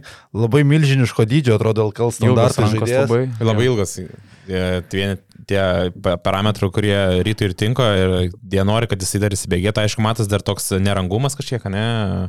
Jis bus atakuojamas, jis bus atakuojamas faktas gynyboje, bet polimenų Tai tai jis labai lengvai tvarkėsi ten su Vulsu, tais aukštaugiais. Lemba, jeigu per 13 minučių 20 taškų Nu, suvertis. man net buvo keista, pažiūrėjau, kiek tas Kai šūvis. Marijanovičius savo geriausiais laikais. Jo, jo, bet visiškai dar neparuoštas. E, Ok, jis jau geriau atrodo nei, nei pirmajame čia, kur tikrai kojas neklausė, matėsi tas toks vangumas, bet dabar atrodo kur kas geriau, tik tai ta priekinė linija nebuvo tokia, sakykime, verta tokia jo, nes tik aukštesnės mm. klasės, ne žaidėjo, prieš kurį būtų galima palyginti. Jo, ir turbūt tas toksai neapdainuotas herojus, tai Lukas Uleckas, kuris ramių veidų sudūrė tos trajekus ketvirtam kelnyje. Tai 12 minučių 15 taškų, ta prasme, labai sudėtingas sezonas žaidžia Uleckas, bet atsiminkime ir pernai jisai iki, iki atkrintamųjų labai sunkiai atrodė, bet vėl at- atkrintamosios ir Uleckas juda, tai šiemet tas pats Gedrius Žibėnas ir sako, turbūt Lukas pasižiūrėjo į kalendorių, sako, o, atkrintamosios artėja, žaisti. Krisas Singletonas toksai. Tai vat, grinai, kontraktą pasidaro Uleckas. Šiaip laužė rungtynės jo. Nes vakar ir prasiveržė, praėjo Iškevičius. Aš galvoju, Lukai, kur tu buvai taip anksčiau, ne? Tas prasiveržimas ir nepatogus, jisai buvo dar metę ten dešinę ranką, tai pro pažastį Iškevičiui, uh, tai galvoju, kur tu buvai anksčiau, uh, kodėl nepavyko įsijungti nuo pat pradžios. Bet žinai, vėl ta praretinta sudėtis nebuvo vardė. Uh, tai aš manau, kad vėl tai duoda kažkiek uh, jam to laisvumo, nes žino, kad tikrai, nu, pasitikėjimas bus iš, iš trenerių štabo. Jo, abi sudėtis buvo išretėjusios, bet panašu viskas jau ar, link to artėja, kad e, pusfinalyje, jeigu viskas gerai, ketvirtfinalyse susitiks rytas su Vulfs, dar, dar Lietkabelis turi šansą aplenkti Vulfs, bet e, jiems reikėtų turi, ten paskutiniam turėjo laimėti ir prieš Žalgerį, kad tai įvyktų. Tai Ir Vulsai turi viską pralaimėti. Vulfsai turi jie pralaimėti prieš Neptūną bent jau, pranašumą. jo, nes tarpusio pranašumas Vulfsams priklauso, tai atrodo, kad Gera serija. pusfinalis Čia turi būti toks. Milašius trina rankom. Pirmoji eilė sėdėjęs tikrai turėjo būti patenkintas. Tikrai turėtų trinti rankom, bet čia sakau, šiemet LKL liko 2-3 turai iki reguliario sezono pabaigos, tai net žiūrint taip, tai tu nesi garantuotas, kad tu ketvirtfinalį labai ramiai praeisi, atsimenant, kaip Wolfsai šį sezoną stringa su Neptūnu žaidžiant, tai jiems šiuo metu ir piešėsi tas žaidimas ketvirtfinalyje su Neptūnu arba Sibetu. Daug tokių įdomių parų bus, e, rytas irgi gali gauti kažką iš tų, ar, ar Neptūnas, Sibeta, Utena kažkur laviruoja, tai šiemet LKL tikrai įdomus, apie, apie tai daugiau pakalbės savas kiemas, e, šiandien įrašinėja kaip tik kolegos tokie reikalai, turbūt, turbūt tiek šiandien. Dar apie Neptūną, jo, tu užsiminiai, Neptūnas įspūdingai atsitėsi antroji pusėje, nuo kovo pradžios uh, 8-3, tai per 11 rungtynį 8 pergalės ir jie pakyla iš, ta, iš to dugno, sakykime. Jo, jo, dabar gal net penktą vietą paimti. Jo, jo, jo, kai iki tol, iki kovo mėnesio, iki to lango FIBA buvo 8-12, tai nuo kovo mėnesio 8-3 ir, sakykime, Vulfsai, kurie, kurių, man atrodo, Vulfsai, Vulfsai tik tai vieną kartą įvykė šį sezoną. jie žaidė Tai- daug, jie žaidė ir tauriai tarpusavį. Tai... Jo, jo, jo, ir Neptūnas tikrai buvo jam tas riešutas, kurį sunku buvo perkasti, bet uh, tai bus įdomi serija, jeigu, tarkim, šitos dvi komandos susitiktų, tai, nu, dar čia nebūtų visiškai garantuota. Blemba, šiaip, jo, dabar pagalvoju apie matšapus uh, ryto ir Vulsų. Žiauriai geri turėtų būti. Tas pats uh, Keiveris visiškai kol kas siautė visose rungtynėse prieš šitą, kas, kas jis uh, stabdys. Fosteris turi geras rungtynės, bet yra. Jeffrey Tayloras. Man šiaip keista buvo, kad Tayloras labai mažai stovėjo prie Aha. Fosterio. Ir prie, ryčio, prie Gyčio Radzevičius didžiąją laiko dalį gynėsi. Buvo su Margeriu Normantu situacijų ir, nu, pripažinkim, prieš, Normantas prieš Taylorą beveik neturėjo jokių vilčių vienas prieš vieną žaidė. Šiaip keista matyti tokio size žaidėją, tokios patirties, tokio, tokių įgūdžių krepšininkų LKL aikštėse. Čia reikia maksimaliai vertinti patirtį su Tayloru ir sakau, manau, kad jis bus pasiūstas stabdyti Fosteriui. Faktas, kad bus kova dėl atšokusių kamolių labai svarbi, žiūrėsim, kiek čia Grantas prie to pridės. Labai įdomu bus stebėti, kaip Rašardas Keli žais, nes kiek girdėjau, jis rytas labai jo norėjo prieš e, nusipirkdami Goramą. Goramą. Tai E, tai vos Šiaip ne. tos dvi komandos labai daug, kiek girdėjęs, aptų žaidėjų, jos labai daug tarpusavį, ne, tokia netiesioginė kova buvo, ta, tas pats Jaime irgi neaišku, nes gali būti jisai rinkoje buvo vienas iš tų kelių pasirinkimų mm. ir girdėjęs, kad galbūt Vulfs irgi stebėjo situaciją, nes mes žinom, kad Vulfsai skambino ir Neptūną dėl au, a, a, Ausino Vailai, mm. bet Vailai jie nepaleido Neptūnas, nes, nu, tarp, prieš pat sezono svarbiausią stadiją paleis pagrindinį savo žaidėją, tai irgi, nu, būtų nesąmoninga, bet uh, tu ryto jau ir Vuls, mes jau daug kalbėjom prieš tai, prieš pirmasis rungtynės aikštelį, kad daug įvyko jau prieš rungtynės. Jo. Užkulisiniai dalyko, ne, ir dar kai dvi rinko, jos, tas dvi komandos susitinka, uh, tai buvo daug, daug tokių situacijų, kur tikrai jas varžėsi dar ir už aikštelės ribų. Šiaip labai gilios komandos pasidarė, kai susikomplektavo gaila, gaila man labai ryto dėl Martino Echodo, buvo lyderis komandos, taip prarasti prieš pat atkrintamasis yra skaudus smūgis, bet realiai matant, dar nebuvo vakar Kendilo Makalamo, kuris duoda daug rytui. Tai ta komanda rytas dabar labai stabiliai atrodanti ir sakyčiau, jeigu Vulfs ten prieš sezono pabaigą, prieš e, tą langą uždarimo žadėjo pasirašyti kažką įspūdingų žemėjų aplinkose, kai pasirašė Grantą, man kažkaip tas hypas kažkiek aplinkios nukrito ir dabar žiūrint iš dabartinių perspektyvų, taip kaip jie atrodo, tas trenerių pasikeitimai irgi neaišku, kaip jie suveiks atkrintamosiose Vulfsai, tai man atrodo rytas su namų pranašumu turi gerą šansą vėl patekti į finalą. Aišku, čia įvykiai jau ateičiai, o daugiau, daugiau turit ką dar pridėti. Ai, dar apie Taylorą paminėjai, tai girdisi tas, kad Vulfsai atrodo yra geram kontakte pratęstų jo sutartį, Okay. kas būtų labai smagu tokį žaidėją turėti vėl Lietuvoje ir stengiasi tiesiog Vulfsai daryti Taylorą būtent to vienu iš komandos veidų, tai čia yra galbūt tas kelias, kaip, kaip ir žada eiti Vulfs toliau. Kartu su tais lietuviais ir dar Tayloras pajungtų, ne, tai čia, nu, neblogai, būtų didžiausias laimėjimas turbūt jų. Nu, nes jie užtikrinti praktiškai, kad jie kitą sezoną tipo žais Europos turiai. Šiaip jo. Konkrečiai Eurocapė, ne Mhm. Biselė, ne? Jo. Jo, jo, jo. Taip ten Europos turėjai girdisi jo daug visų dalykų, nes, žinai, vėl Lietkabelis ir turbūt Vulsa, ne, kandidatuos šitą vietą. Ir ten tarp dviejų komandų gali būti visokių vėl dalykų iš kulisinių, ne iš kulisinių, nes girdisi, kad Europos turės a, minimalus biudžetas vėl bus didinamas iki 3 milijonų, ne? Mes žinom, kad a, Lietkabelis tikrai tokio biudžeto neturi. Jis eilę metų jau žaidžia su mažesniu biudžetu, tai gali būti kažkokių, žinai, procedūrinių dalykų, į ką bandys atkreipti Vulsai dėmesį, ne? Žiūrėkit, kaip jūs praleidžia tokią komandą. Viskių girdisi tokių, tokių kalbų jau prieš artėjantį tą tarp sezonį, kai spręsis tos vietos. Tai realu, kad gali būti tokia situacija, kad e, žais dėl trečios vietos, dėl tos Europos taurės. Taip, taip. Vulfsai prieš Lietkabelį. Tai va. Ir ten ta trečia vieta gali lemti tiesiog bilietą į Eurocapą. Lemba, šiaip dabar Eurocopas toks atviras, kur kitą sezoną irgi nesimato didžiulio Eurolygos komandų nutikėjimo. Ten ko gero tik tais Valencija iškrenta Eurocapą. Pasižiūrė iš šių metų Eurocapo sudėti. Nu, su komanda kaip Wolves, painvestavus, čia realiai gali patekti į Eurolygą. Taip. Patekęs į Eurolygą, tu gali padaryti Monako įmą iš esmės. Kur Monakas irgi net kai jie laimėjo Eurocapą, prie Virtuso, prie Unixo, jie neturėjo jokių šansų e, patekti, laimėti Eurocapą ar patekti į Eurolygą. Netyčia sugebėjo kažkaip prasmukti per tas komandas, laimėjo Eurocapą, pateko Eurolygą, Maikai Jamesai, dides, didesnis remimas, didesnės investicijos, mes matom jos antrus metus išėlės plyofose, kas yra debutiniai komandai, yra kosmosas. Jie šneka, kad nori padaryti Eurolygos e, Las Vegasą Monake, jie planuoja statyti didžiulę areną, kur pritrauktų didžiulius koncertus, renginius ir to pačiu krepšinio renginius e, siūlo Eurolygai tuos visus premium brandinius remėjus, nes Eurolyga neturi kažkokių išskirtinių e, remėjų ir man tai Monako kažkokio ambicijos primena tą patį Milašių, kuris atvedė labai solidų remėjų paketą LKL, pakėlė, pakėlė tą visą prestižą. Tai žodžiu, Monakas turi labai daug dalykų ir tai prasidėjo, atrodo, iš nieko ir staiga ta komanda e, soli, darosi vis solidesnė, tampa vis rimtesnė žaidimo dalyvė ir keičia rinką. Ir sakau, tam pretenduoja tapti, nežinau, religijos Dubajam arba religijos Las Vegasui. Ir aš nematau, kodėl Vulfsai negalėtų to padaryti. Nes jie galėtų ateiti į Eurolygą, teoriškai galbūt irgi pritraukti e, stambių rėmėjų, pasitelkiant e, žemelio e, pažintis, turi jau didžiulę areną, skirtingai negu Monakas, nėra tokių minusų, taip kad šitam pūlė komandų Eurocapo tai yra auksinis šansas pabandyti laimėti turnyrą, patekti Eurolygą, o tada negali žinot, kaip ten su tais valkardais, ilgalaikiam licenzijom viskas pasikeis. Tu sakai dar auksinis šansas, bet galimai gali būti, kad ir paskutinis, nes jeigu mes... Jo, jeigu susijungs. Ne, jo, mes e, girdim labai daug kalbų tokių, kad e, iš viso Europos taurės ateitis e, numiglota, jin gali baigtis, nes jau po, kitą sezoną mes girdim jo. tokių kalbų, kad jau yra sustarimai kažkokie, matom pirmosius signalus, kad tarkim mažėja FIBA langų vienu, ne? vienu sumažėjo Jo. jau, tai čia yra didelis signalas ir... tu- Kompromisas. Ir e, tai, kas girdis, tai yra vienas iš tų signalų, kad jau atėjo tos dvi pusės prie kompromiso, ne? E, Ir ta Europos turėja galimai visiškai išnyks, bus čempionų lyga antrasis tas e, e, turnyras pagal pajėgumą.